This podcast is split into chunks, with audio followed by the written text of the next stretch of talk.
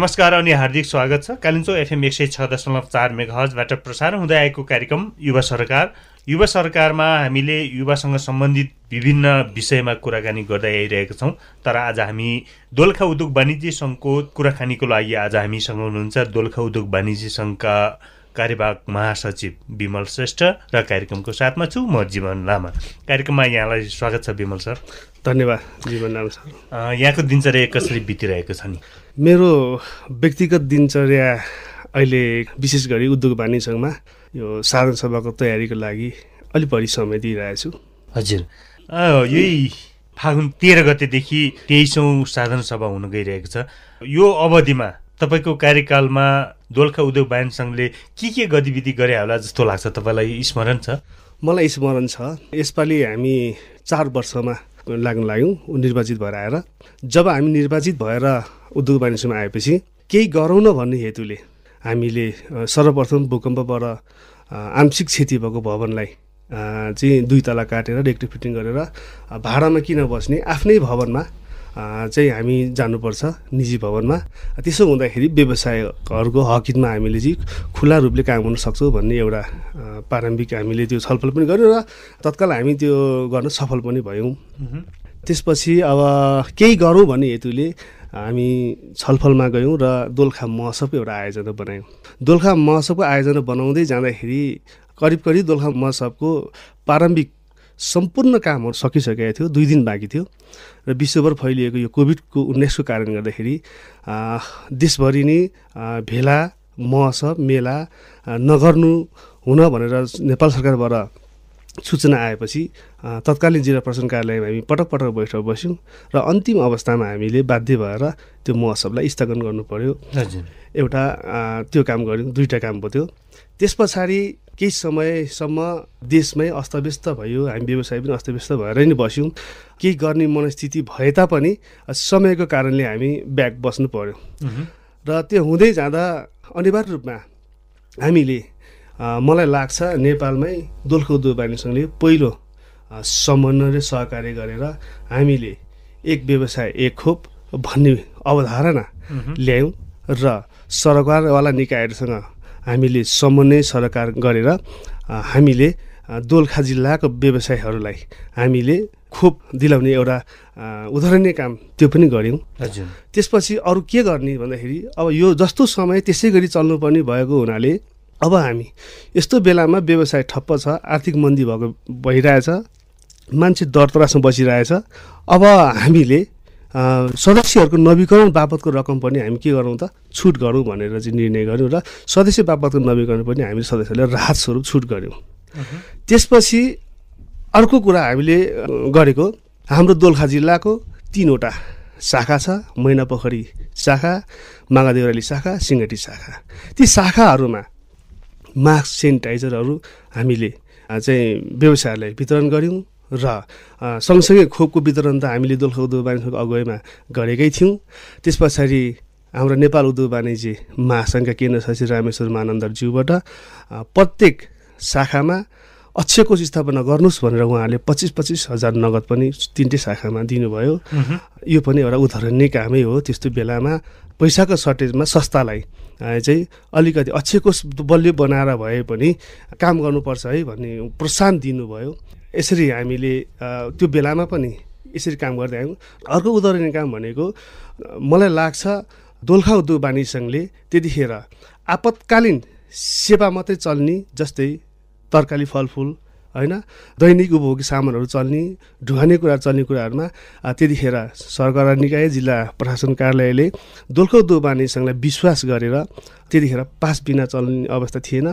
त्यो पास वितरण गर्ने पास दिने र त्यो पासको आधारमा व्यवसायहरूले आफ्नो माल सामान ओसार पसार गर्ने हिसाबमा पनि उदाहरणीय काम करिब करिब यसरी यसरी गर्दै हामीहरू अगाडि बढिरहेका छौँ। हजुर यो कुरा त तपाईँले भन्नुभयो जस्तो कोभिडको टाइममा व्यवसायले जुन खालको मार खेप्नु पर्यो ती समस्या तत्काललाई समाधान गर्नको लागि जुन महत्त्वपूर्ण कामहरू गर्नुभयो त्यसपछि कोभिडको न्यूनीकरणपछि चाहिँ व्यवसायको हितको लागि चाहिँ भने जस्तो कामहरू के के भयो होला जस्तो लाग्छ त? अब कोभिडको न्यूनीकरणपछि हामीले व्यवसायिक हितको लागि धेरै काम गर्नेहरू परियोजनाहरू तयार गरेका थियौँ। र जब कोभिड सकिएपछि नेपालमा तत्काल आर्थिक मन्दी सुरु भयो। र ती सबै व्यवसायहरूलाई कोभिडबाट थलथलेर बसेको व्यवसायहरूलाई चाहिँ ब्याङ्क तथा वित्तीय संस्थाहरूले अलिकति टचर दिन थालेपछि एक हिसाबमा हो भने हामी पनि व्यवसाय हौँ र अरू व्यवसाय हामी व्यवसाय एकै हौँ र हाम्रो पनि अलिकति काम गर्ने मनस्थितिहरू अलिकति गिरेको हो एक नम्बरमा। जब ब्याङ्कहरूको टचर भइसकेपछि हरेक व्यवसायहरूलाई काम गर्ने जाँगर स्वभावले पनि कम हुन्छ। त्यस कारणले गर्दाखेरि हामीले केही गर्नु चाहँदा चाहँदै पनि हाम्रो आफ्नै आन्तरिक कार्य समितिमा केही साना झिना मसिनो कुरा नमिल्नाले गर्दाखेरि पनि कतिपय कामहरू हामीले चाहेर पनि गर्न सकेनौँ। र अर्को कुरा फेरि हामीले मात्रै नसकेको होइन अरू जिल्लामा पनि जस कोभिडको प्रभावले गर्दाखेरि धेरै सक्रिय कामहरू त गर्नु अरू जिल्लाले पनि त्यस्तो सकेको त होइन। तैपनि हाम्रो पनि अलिकति टिम राम्रो भइदिएको भए काम गर्नु सक्ने सम्भावना मैले धेरै देखेको थिएँ जीवन सर। हजुर। भनेपछि तपाईँ आफू पनि त्यति सन्तुष्टि लिनुहुन्न कि? पक्कै पनि यो चार वर्ष कार्यकाल हुन त तिन वर्ष कार्यकाल हो। यताउता गर्दाखेरि चार वर्ष लगभग लगभग पुग्न थालेको छ। यो अवधिमा सोचे जति काम चाहिँ हुन सकेन है भन्ने लाग्छ।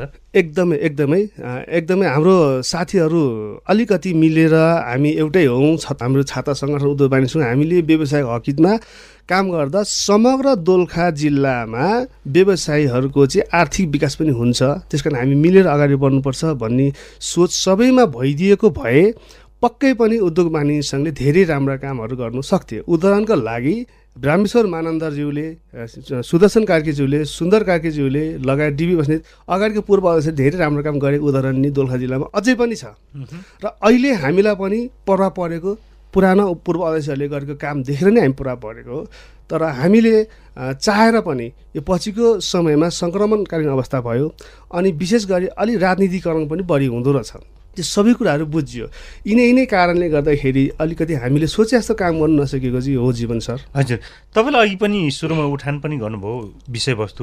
जस्तो पछिल्लो अवस्थामा कोभिड पछि व्यवसायहरू ठप्प नै भइरहेको छ एउटा कुरा। अर्को कुरा चाहिँ आर्थिक मन्दीको कारणले मान्छेले किस्ता तिर्न सकेका छैनन् घर भाडा तिर्न सकेका छैनन् सटर थुनेर बस्नुपर्ने अवस्था छ भनेपछि तपाईँहरूको सङ्गठन दोलखा उद्योग वाणिज्य सङ्घ एघार सय बैसठी लगभग लगभग सदस्यहरूको चाहिँ छात्र सङ्गठन भएको हिसाबले तपाईँहरूलाई हिजोको दिनमा जुन आशा जुन भरोसाका साथ मत दिएका थिए विजय गराएका थिए यसको महत्त्व त भएन नि होइन र? एक्ज्याक्टली जीवन सर। हिजो व्यवसायहरूले जुन हिसाबमा हामीलाई विश्वास गरेर यी तत्त व्यक्तित्वहरूले व्यवसाय हकितलाई काम गर्न सक्छन् भनेर विश्वास मत दिएर हामीलाई त्यहाँ पठाएका हुन् उहाँहरूलाई म धन्यवाद दिन चाहन्छु। यहाँहरूले पठाए जस्तो हामीले काम गर्न सकेनौँ।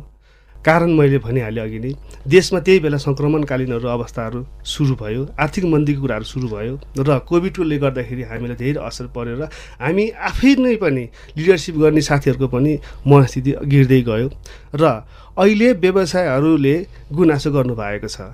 यस्तो वित्तीय संस्थाहरूले हामीलाई टचर दिँदाखेरि घरपेटीहरूले तिर्न नसकेर टचर दिँदाखेरि किन बोल्नुहुन्न उहाँहरू भन्ने कुराहरू आएको छ। यसो म दुईवटा कुरा गर्छु। घर भाडाको कुरामा यो उद्योग वाणिज्य सङ्घले समन्वय मात्रै गर्ने हो स्थानीय सरकारले समन्वय मात्रै गर्ने हो कुनै पनि व्यक्तिको घर भाडा घटाउनुहोस् अथवा चाहिँ उहाँलाई टचर नदिनुहोस् नमाग्नुहोस् भन्नु हामीले पाइँदैन। हामीले सरकारवाला निकायसँग उहाँहरूलाई बोलाएर एक दुईवटा कार्यक्रम गर्नु पाएको भए पक्कै पनि उहाँहरूलाई चाहिँ काउन्सिलिङ हुन्थ्यो। काउन्सिलिङ हुँदाखेरि ओहो व्यवसायको गुनासो त यस्तो पो रहेछ भनेर घरपेटीहरूले बुझ्नुहुन्थ्यो। त्यो गर्नु नसकेको हो। अर्को कुरा वित्तीय ब्याङ्क तथा सहकारी संस्थाहरूले कतिपय सहकारीहरूको कार्यक्रममा म आफू पनि उपस्थित भएर भन्ने गरेको छु फोरममा।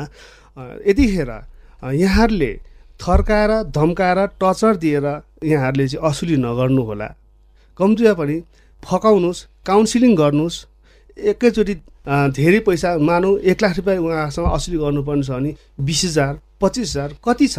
बिस्तारै माग्नुहोस्। हरजना भन्ने जातलाई तपाईँहरूले छुट दिनुपर्छ। ब्याजलाई लिनु परिहाल्यो। भन्ने हिसाबले मैले पनि धेरै सहकारी काउन्सिल गर्दाखेरि मलाई लाग्छ म सहकारी विषयमा मैले बुझेर जानेसम्म त्यत्रो बेदी दोलखा जिल्लाको व्यवसायलाई सहकारी टचर दिए जस्तो मलाई लाग्दैन। र यहाँ केही ठुला भनौँ त सहकारीहरूले अलिकति यस्तो बेलामा सूचना निकाल्ने मानसिक प्रेसर गर्ने लिलामी निकाल्ने कामहरू गर्नुभएको छ। यहाँहरूले यो बेलामा बरु उहाँहरूलाई पुनः कर्जाको व्यवस्था गरिदिनुहोस् पुनः तालिकाको व्यवस्था गरिदिनुहोस्। त्यसो हुँदाखेरि उहाँको समय अवधि अलिकति बढ्छ। उहाँले काम गर्ने अवसर पाउँछ उहाँको मनस्थिति बढ्छ त्यसो हुँदा तपाईँलाई काम गर्ने अवसर दिएपछि जुनसुकै व्यवसायले पनि कसको पैसा नतिरु भन्छ र पैसा त तिर्नु तिरि नै हाल्छ समय पछि ढिलो चाँडो भइहाल्छ पैसा तिर्छन् यो वातावरण बनाइदिनु हुनुलाई म यस आजको यो कार्यक्रमबाट पनि म सहकारीका साथीहरूलाई म अनुरोध गर्छु एकैचोटि यहाँहरू एक्सनमा गइदिनु भयो भने भोलि कुनै मान्छेले आत्महत्या गर्ने मानसिक तनाव समेत लिने अवस्थामा पुग्यो भने त्यसको जिम्मेवार तपाईँहरू स्वयं हुनुपर्ने छ।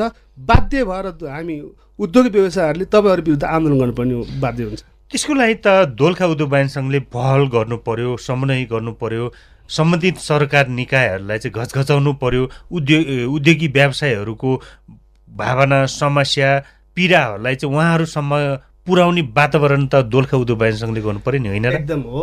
मैले भनिहालेँ कतिपय कार्यक्रमहरू हामीले चाहेर पनि गर्न सकिनौँ। संस्थामा कहिले पनि एक्लै दौडेर अथवा एक्लैले योजना बनाएर पनि त्यो कार्यक्रम सफल हुँदैन। टिम लाग्नुपर्छ। टिम नलागिकन केही काम हुँदैन। हामीले ब्याङ्कको विषयमा त ब्याज दर वृद्धि हुँदाखेरि दुई तिनचोटि आन्दोलन गरेकै हो। र हामीले मात्रै नभए देशव्यापीमा आन्दोलन भयो र त्यो ब्याज दरहरू पछि घटेर पुनः कर्जाको कुरा पुनर्ताले कुरा नआएको होइन योभन्दा अगाडि। अहिले पनि हामीले आन्दोलनमा नगरेको होइनौँ।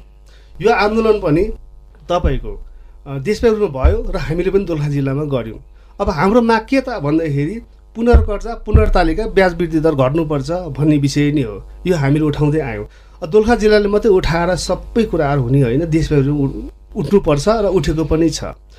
र मैले बुझेअनुसार जब नेपालमा अर्थतन्त्र अलिकति धरसाय बन्यो धरसाय बन्दै जाँदाखेरि अब त्यो ठेक दिने कसले त? भन्दाखेरि व्यवसायले रहेछ। त्यसलाई के गर्नु पर्यो भन्दा ब्याज दर बढाउने रहेछ। यो कुरा पनि बुझियो। त्यस कारणले गर्दाखेरि ब्याज दर बढाएर राज्य चाहिँ थेकिने व्यवसायलाई के त भन्ने सरकारलाई यो पनि हाम्रो क्वेसन हो। त्यसको साथसाथै विमल सर जस्तो दोलाखालाई अरू जिल्लाहरूभन्दा अलिकति फरक दृष्टिकोण पनि छ किनकि यहाँको चाहिँ पर्यटकीय हिसाबले यहाँको चाहिँ कृषि उत्पादनको हिसाबले पनि व्यवसायलाई जोड्न सकिन्थ्यो होला नि। यदि यहाँको पर्यटन व्यवसायलाई मात्रै चलायमान बनाउन सक्ने हो भने बढीभन्दा बढी पर्यटकहरू दोलखा भित्राउने हो भने त यहाँको व्यापार व्यवसायहरूले केही न केही राहत त पाउँथ्यो नि हो नि? होइन र? एकदमै जीवन सर। यो हाम्रो दोलखा जिल्ला चाहिँ हिमाली भेगको यो पाहाडमा अन्तिम जिल्ला जस्तो पर्छ। यहाँ कुनै नाका छैन। यो जिल्लाबाट अर्को जिल्ला जाने ठाउँ छैन। त्यस कारणले गर्दाखेरि यो जिल्लामा पर्यटक कमाउँछ यहाँहरूलाई थाहा छ। अब हाम्रो पर्यटक आउने भनेको दोलखा भीमसिंह थान कान्छो भगवती माई यसरी नै दुईवटा धार्मिक स्थललाई हेरेर आउने गरेका छन्। यहाँ पनि के छ भनेदेखि अब त्यो आउने पर्यटक कम्तीमा दिनमा दुई हजारभन्दा माथि रेगुलर दोलखा जिल्लाको पर्यटक आएका छन्। त्यस कारण गरी त्यो दुई हजारभन्दा बढी आउने पर्यटक कहाँ जान्छन्? यसको खोजी गर्नुपर्ने उत्तर वाणिज्य मात्रै नभएर सरकार निकायको पनि हो। जब भीमेश्वर नगरपालिकाको चैकुट बजार नआउँदाखेरि नै मकैबारीबाट देउराली हुँदै सिधै कालिचुक जाने र कालिचुकबाट आफ्नो दर्शन गरेपछि सिधै त्यही बाटो भएर काठमाडौँ जाने भएपछि चरीकोटमा व्यवसायी कम आएका छन्। त्यसले गर्दाखेरि होटल लगायतका कुराहरू सुकेका छन्। अरू एउटा कुरा त्यसको न्यूनीकरण हामीले पटक पटक सम्बन्ध निकायको कुरा उठाएको। कम्तीमा पनि त्यो मकैबारीबाट कालिम्पोङ जाने बाटोलाई एकजना प्रहरी एकजना ट्राफिक राखेर त्यहाँबाट बिट राखेर वान वे गर्नु सकियो भने त्यस कारण गर्दाखेरि त्यो उहाँहरू कान्छुक जानुहुन्छ फर्किँदाखेरि चैकुट हुँदै आउनुहुन्छ। या चैकुटबाट कान्छ जानुहुन्छ या फर्केर त्योबाट जानुहुन्छ। यसो गर्नु सक्यो भने अलिक चलायमाइन हुन्छ कि भन्ने एउटा तर्क हो। तर मलाई लागेको नि विमल सर जस्तो यो विषयमा अलिकति छलफल नै गरौँला तर हामी तपाईँ हामी पनि बाहिर जिल्लामा घुम्न जाँदाखेरि पर्यटकीय क्षेत्रमा चाहिँ हामी पुग्दाखेरि पनि जुन बाटो राम्रो छ जुन बाटो सजिलो छ जुन होटल चाहिँ सफा सुग्घर र सस्तो छ ती त्यस्तै चाहने होइन र। यदि मकैबारीको जस्तैदेखि देउरालीसम्मको बाटो जुन पिच छ राम्रो छ त्यस्तै खालका चरीकोटदेखि देउरालीसम्म पुग्ने बाटो पनि त्यस्तो भइदिएको भए त पर्यटक त्यही बाटो रोज्थ्यो होला नि। एकदमै। अब मलाई लाग्छ सम्भवतः दुई चार महिनामा तयार हुँदैछ। अर्को वैकल्पिक बाटो चैगुटबाट जाने बाटो त्यो हुन्छ होला। सायद त्यो बाटो नभएर पनि यो भएको होला। त्यसमा हामीहरूको पनि जनचासो रहेको छ। अब मैले रहे चैकोटमा होटल व्यवसाय सुक्यो। चैकोटमा पर्यटकलाई ठगियो होटल महँगो यो दुईवटा कुरा छ। व्यवसायलाई जसरी पनि चाहिँ अब सरकारले ढाड सेक्ने कामहरू गरेको हुनाले व्यवसाय मात्रै गल्ती होइन। जब चलायमान जति हुन्छ त्यति नै व्यवसायमा चाहिँ सस्तो पनि हुन्छ। र महँगो लिएको भन्ने विषय मैले यहाँ कुरा जोड्नु खोजेँ। अब कस्तो छ भने तपाईँको होटलको आफ्नो लगानी अनुसार दुई चार पैसा महँगो होला। होटल चलायमान भयो भने उद्योग मानिसहरूले होटल सङ्घका साथीहरूलाई बोलाएर यसो नगरे भन्नु सकिन्छ। होटलै चलेको छैन उद्योग अब होटल व्यवसाय साथीहरूलाई बोलाएर के भन्ने? होटल चलेकै छैन उहाँहरूको किनकि करिब दुई वर्ष भयो दुई चार दिन होइन दुई वर्ष भयो। त्यसले गर्दा कतिपय होटलहरू विस्थापित भइसक्यो यहाँहरूलाई पनि थाहा छ। अब होटलहरू धेरै जस्तो साथीहरूले चाहिँ साउजीलाई घरपिँढीलाई जिम्मा लाउँदै हिँडेको पनि उदाहरण धेरै छ होइन? त्यस कारणले गर्दाखेरि होटल मात्रै राम्रो भएर पनि हुने देखिएन। मेन भनेको पर्यटकै हो। अब पर्यटक आउनुलाई जयकोटमा त्यस्तो पर्यटक रमाउने ठाउँ नै मैले केही देख्दिनँ। अब पटक पटक हामीले केही न केही बनाउँ केही गरौँ भन्दाखेरि मैले पटक पटक धेरै धेरै कार्यक्रममा म आफैले भनेको छु। म वडा नागरिक मञ्चको अध्यक्ष हुँदाखेरि कुरा उठाउँथेँ। चैकोटमा चाहिँ अब बजार क्षेत्रमा सार्वजनिक जग्गा भनेको कृषि बजार छ। अरू हामीसँग त्यस्तो सार्वजनिक जग्गा छैन। बजारको सडक सानो छ साँगुरो छ। त्यस कारण गर्दाखेरि हाम्रो दुईवटा सडक छ चैकोट बजारमा। एउटा वैकल्पिक बाटो पनि त्यो पनि गरौँ र कृषि उपज बजार भएको ग्राउन्डलाई त्यसलाई कम्तीमा पनि मिनी पार्क हामीलाई बस पार्कको अवधारणा छुट्टै छ मिनी पार्क बनाऊ। त्यसो हुँदाखेरि त्यहाँनिर तपाईँको हरियाली पार्क बनाऊ। त्यहाँ के गार्डन बनाऊ त्यहाँ के चिल्ड्रेन पार्क बनाऊ त्यहाँ सेल्फी जोन फोटो खिच्नुको लागि पर्यटकको लागि केही बनाऊ न। त्यसो हुँदा कम्तीमा दुई घन्टा त्यहाँ मान्छे भुलिन्छ।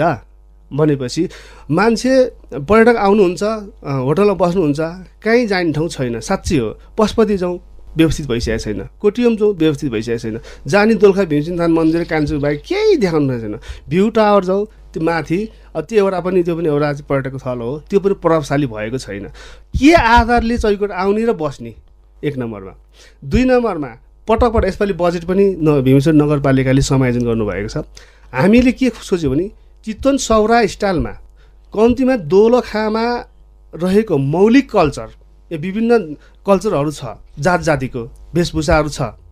भीमेश्वर नगरपालिकाको नयाँ बिल्डिङमा प्रत्येक शुक्रबार आठ बजीदेखि दस बजीसम्म र शनिबार आठ बजी दस बजीसम्म हप्ताको दुई दिन यहाँको मौलिक कल्चरहरूको कार्यक्रम चलाउँ न त्यसो हुँदाखेरि पनि मान्छे दोलखाको मौलिक कल्चर के रहेछ त भनेर कम्ती उहाँहरू एक रात बस्ने वातावरण बन्छ। त्यसो हुँदाखेरि हाम्रो प व्यवसाय पसलहरू एघार बजीसम्म खुल्छ।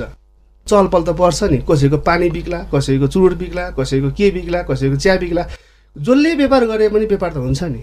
त्यस कारण यो पनि अति महत्त्वपूर्ण चाहिँ कुराहरू छ जीवन सर तपाईँ अहिले कालिम्पोङ एफएम एक सय छ दशमलव चार मेगाहर्चबाट कार्यक्रम युवा सरकार सुन्दै हुनुहुन्छ। आज हामीसँग हुनुहुन्छ दोलखा उद्योग वाणिज्य सङ्घका कार्यवाहक महासचिव विमल श्रेष्ठ। कुराकानीलाई म पुनः जोड्न चाहन्छु महासचिवज्यू। जस्तो भौतिक संरचना पनि एउटा अभावको विषय नै हो। त्यसको साथसाथै हिजोको दिनमा यहाँका भीमश्वर नगरपालिका होस् अथवा दोलखा उद्योग वाणिज्य सङ्घ आफैले पनि सुन्दर बजार बनाउनको लागि जुन अभियान सञ्चालन गरिरहेका थिए ती कुराहरू पनि अपुरै रहेको जस्तो लाग्छ मलाई एउटा कुरा। अर्को कुरा व्यवस्थित बसपार पनि नभएको अवस्था। यदि सर्वसाधारणलाई दिसा पिसाब गर्नु पर्यो भने शौचालय पनि नभएको अवस्था। त्यसको साथसाथै हिजोको दिनमा शान्ति सुरक्षाको लागि जुन सिसिटिभी क्यामेरा राख्ने भनेको थियो त्यो पनि हुन सकेका छैन भनेपछि यी सम्पूर्ण कुरालाई पहल गर्ने काम कता कता दोलखा उद्योग वाणिज्य पनि हो नि होइन र? एकदमै राम्रो कुरा गर्नुभयो तत्कालीन भीमेश्वर नगरपालिका भरतबारी कृषिज्यूको आ, संयोजकमा पाँच सदस्य गठन भएको थियो। त्यसमा एक सदस्य म यता आइटीको पनि भएको हुनाले म पनि थिएँ। र हामीले काठमाडौँबाट प्राविधिक ल्याएर सर्वे गऱ्यौँ। बजारलाई कुन कुन स्थानमा सिसी क्यामेरा सोलर बत्ती राख्दाखेरि सुरक्षा हुन्छ भन्ने हिसाबले गर्दाखेरि कम्तीमा बैसठीवटा सिसी क्यामेराको परियोजना बनाइएको थियो। त्यतिखेर चालिस लाख रुपियाँ बजेट सिसी क्यामेरा छुटिएको थियो। हुँदै जाँदाखेरि यो कार्यक्रम बिचमा त्यतिकै हरायो। अन्तिम अवस्थासम्म सिसी क्यामेरा राख्ने लगायत सबै सबै सबै काम भइसकेको थियो। के कारणले बन्द भयो? त्यो भीमेश्वर नगरपालिकाको पूर्व मेयर साहबले सोध्नुपर्ने हुन्छ। होइन भने त्यो कार्यक्रम आइसकेको थियो। र पटक पटक यहाँ जिल्ला प्रशासनमा प्रमुख सिडी साहब डिएसपी साहब आउँदाखेरि प्राय मिटिङमा मै जाने गएको हुन्थेँ। सिसी क्यामेरा र सोलर बत्तीको कुरा उठ्थ्यो। र सोलर बत्तीको कुराहरू त केही सम्बोधन भएको छ। जुन निकायले गर्नुभयो जसको पहलमा गर्नुभयो उहाँहरूलाई म धन्यवाद दिन्छु। तर सिसी क्यामेरा पनि सँगसँगै भइदिएको भए यस्ता माइनोर त धेरै गरे जीवन सर। सिसी क्यामेरा राख्ने भनेर धेरै माइनर मेरो पनि हस्ताक्षर छ। तर त्यो माइनर र बैठक मात्रै सीमित भयो। र सिसी क्यामेरा पनि त्यत्रो विधि चाहिने होइन। तत्त ठाउँमा चोकमा अथवा जहाँनिर जोखिम छ। जनमानिसलाई नागरिकलाई जहाँ जोखिम हुन्छ होइन? डर त्रास हुन्छ। त्यस्तो ठाउँमा राख्ने हो। धेरै ठाउँमा जस्तो राख्नु पनि पर्दैन। त्यत्रो चाहिँदैन चाहिँदैन। मलाई लाग्छ बिसवटा सिसी क्यामेरा भयो भने पुग्छ। अहिले यो अवधारणा हिजो आइटीमा हामी सँगै हुँदाखेरि काभ्रे उद्योग वाणिज्य सङ्घको मेरो आदरणीय साथी कैलाश पलाञ्चोके अहिले उहाँ उपाध्यक्ष हुनुहुन्छ। उहाँ हामीले बनाउने योजना काभ्रे धुलीखेल लगायतको ठाउँहरूमा कति राम्रोसँगले बजारमा सिसी क्यामेरा सोलर लाइटको व्यवस्थापन गरेर हेर्नुहोस्। अहिले मोनिटरिङ तपाईँको जिल्ला प्रहरी कार्यालयले गर्छ। कहाँ कोहीले गल्ती गरेको छ सबै कुराहरू चाहिँ हेर्नुहोस्। रुममा बसेर चाहिँ तपाईँको चाहिँ सारा गल्ती कमी कमजोरीहरू चाहिँ देख्नु पाइन्छ। त्यही अवधारणा दोलखामा ल्याउँदा पटक पटक हामीले कुरा गरेको हामीलाई नपत्याएको हो या हाम्रो कुरा नसुनेको हो। त्यस कारण गर्दाखेरि त्यही कन्सेप्ट दोलखामा ल्याउनु खोज्दा दोलखामा नहुने काभ्रे धुलीखेलमा हुने यो विषयमा चाहिँ अलिकति मलाई पनि दुःख लागेको छ जीवन सर। यति धेरै समस्या उद्योग व्यवसायीसँग पनि जोडिएको समस्याहरू अनि समग्र जिल्लाको विकाससँग पनि आर्थिकसँग पनि जोडिएकै समस्याहरू हुँदाहुँदै पनि यो फागुन तेह्र गते जुन तेइसौँ साधारण सभा हुन गइरहेको छ अबको नेतृत्वले अब चयन हुने नयाँ टिमले के गर्न सक्लान् अथवा त्यस्ता योजनाहरू केही देख्नुहुन्छ तपाईँ? साँच्चीकै जीवन सर यो टिम पनि बलियो टिम छ। अलिकति राजनीतिक कारणले अनि त्यसपछि देशको समसामयिक विषयहरूको कारणले गर्दाखेरि छिन्न भिन्न भएको यो टिम पनि राम्रो बलियो टिम छ। साँच्चीकै राजनीतिक गन्ध नआउने गरेर व्यवसायको हितमा काम गर्ने हो भने धेरै कार्यक्रम कामहरू गर्न सक्छ। भनेपछि यो चार वर्षको अवधिमा तपाईँले महसुस गरे गर्नुभएको तपाईँले फिल गर्नुभएको त्यस्तो समस्याहरू चाहिँ के देख्नुभयो नि? दोलखा उद्योग सङ्घमा पक्कै पनि यी कुराहरू चाहिँ सुधार गर्न सकेको खण्डमा चाहिँ आगामी दिनमा नयाँ नेतृत्वले पक्कै पनि दोलखाका आर्थिक सामाजिक रूपमा चाहिँ विकास गर्नेछ भने त्यस्तो के समस्याहरू देख्नुभयो? कमजोरीहरू देख्नुभयो? मैले समग्रमा मैले भने जसरी दोलखा उद्योग वाणिज्य सबै जिल्लामा चलायमान थियो।